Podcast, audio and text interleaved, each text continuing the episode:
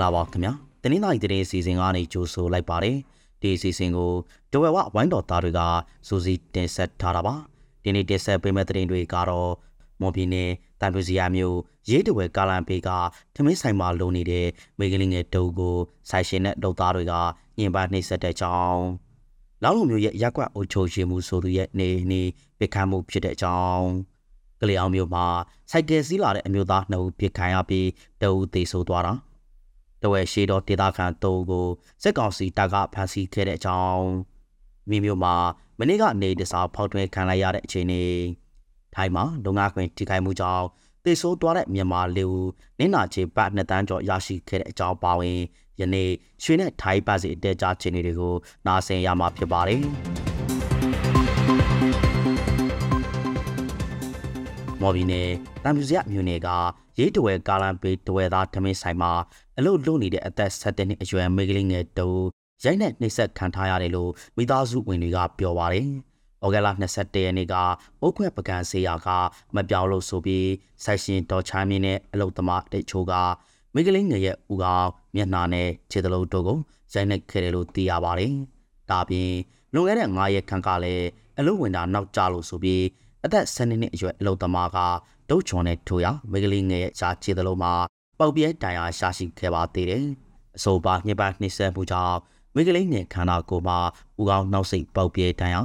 ကြောကိုညိုမဲတန်ရာခြေသလိုပေါက်ပြဲတန်ရာနဲ့မိစိတ်ပေါက်ပြဲတန်ရာတို့ရရှိထားလို့တာမြူစီယာစီယိုမှာစစ်ကူတမှုခံယူနေရတယ်လို့သိရပါတယ်။ရဲအတွက်ကြောင့်မိခင်ဖြစ်သူက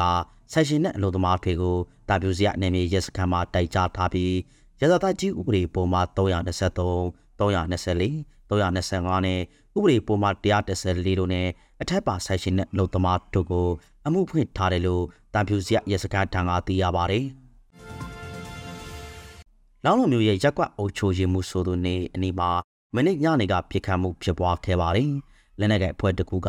ကာကြီးရက်ကွက်အုပ်ချိုရင်မှုဦးမင်းသေးရဲ့နေစခန်းကိုလာရောက်တိုက်ခိုက်ခဲ့တယ်လို့ဒေသခံတွေကပြောပါတယ်။ပြစ်ခတ်မှုဖြစ်စဉ်မှာ တစ်ဖက်ထိခိုက်ဒဏ်ရာရရှိမှုအခြေအနေကိုတော့သိစိတ်မသိရသေးပါဘူး။ဦးမင်းသိဆိုသူဟာအစိုးရ20အုပ်ချုပ်ရေးမှုလုပ်ခဲ့သူဖြစ်ပြီးအာဏာသိမ်းပြီးတဲ့နောက်စစ်တပ်နဲ့ပူးပေါင်းကလက်နက်ကိုင်ဆောင်ထားသူဖြစ်တယ်လို့သိရပါတယ်။စစ်တပ်နဲ့ပူးပေါင်းဆောင်ရွက်ပြီးတဲ့နောက်ပိုင်းဦးမင်းသိဆိုသူဟာသုံးချေတဲမနဲ့ပြစ်ခံရဖူးသူလည်းဖြစ်ပါတယ်။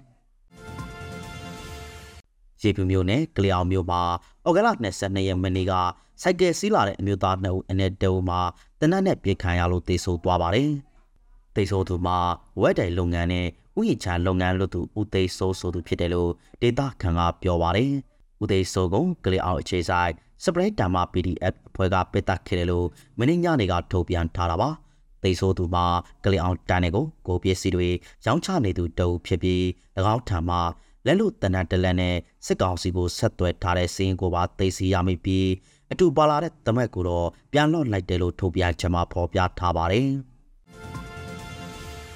တဝဲရှိသောဒေတာမှာစစ်ကြောင်းထိုးနေတဲ့စစ်ကောင်စီတပ်က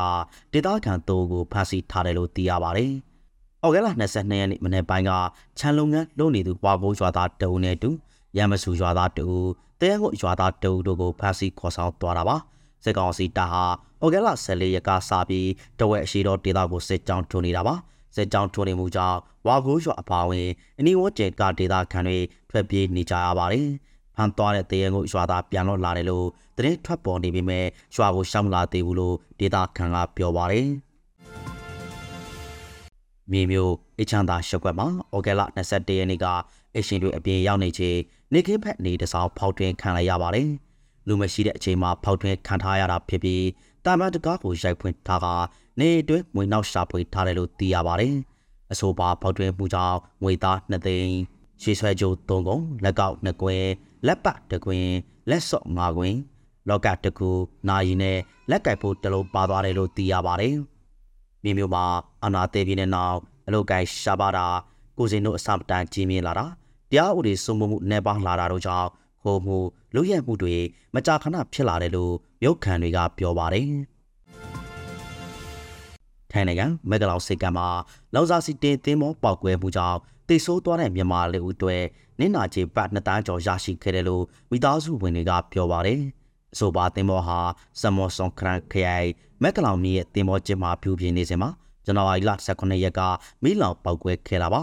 အဆိုပါမီးလောင်မှုမှာမြန်မာအလို့သမား9ဦးသေဆုံးခဲ့ပါတယ် အဆိုပါ9ဦးအနည်းအထောက်ထားပြီးဆိုခိုင်လုံတဲ့အလို့သမား၄ဦးရဲ့မိသားစုဝင်တွေကိုဩဂလ22ရက်မနေ့က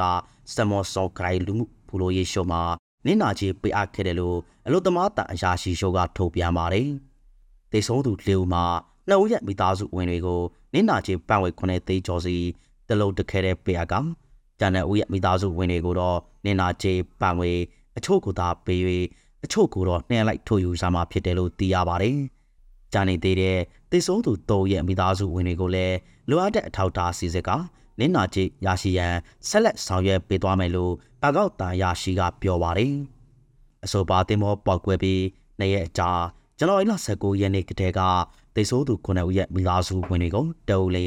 ပ9သိန်းကျော်စီပေးရအတွက်နင်းနာချီပ9တန်းခွဲကျော်ကိုထိုင်းအာနာပိုင်တွေက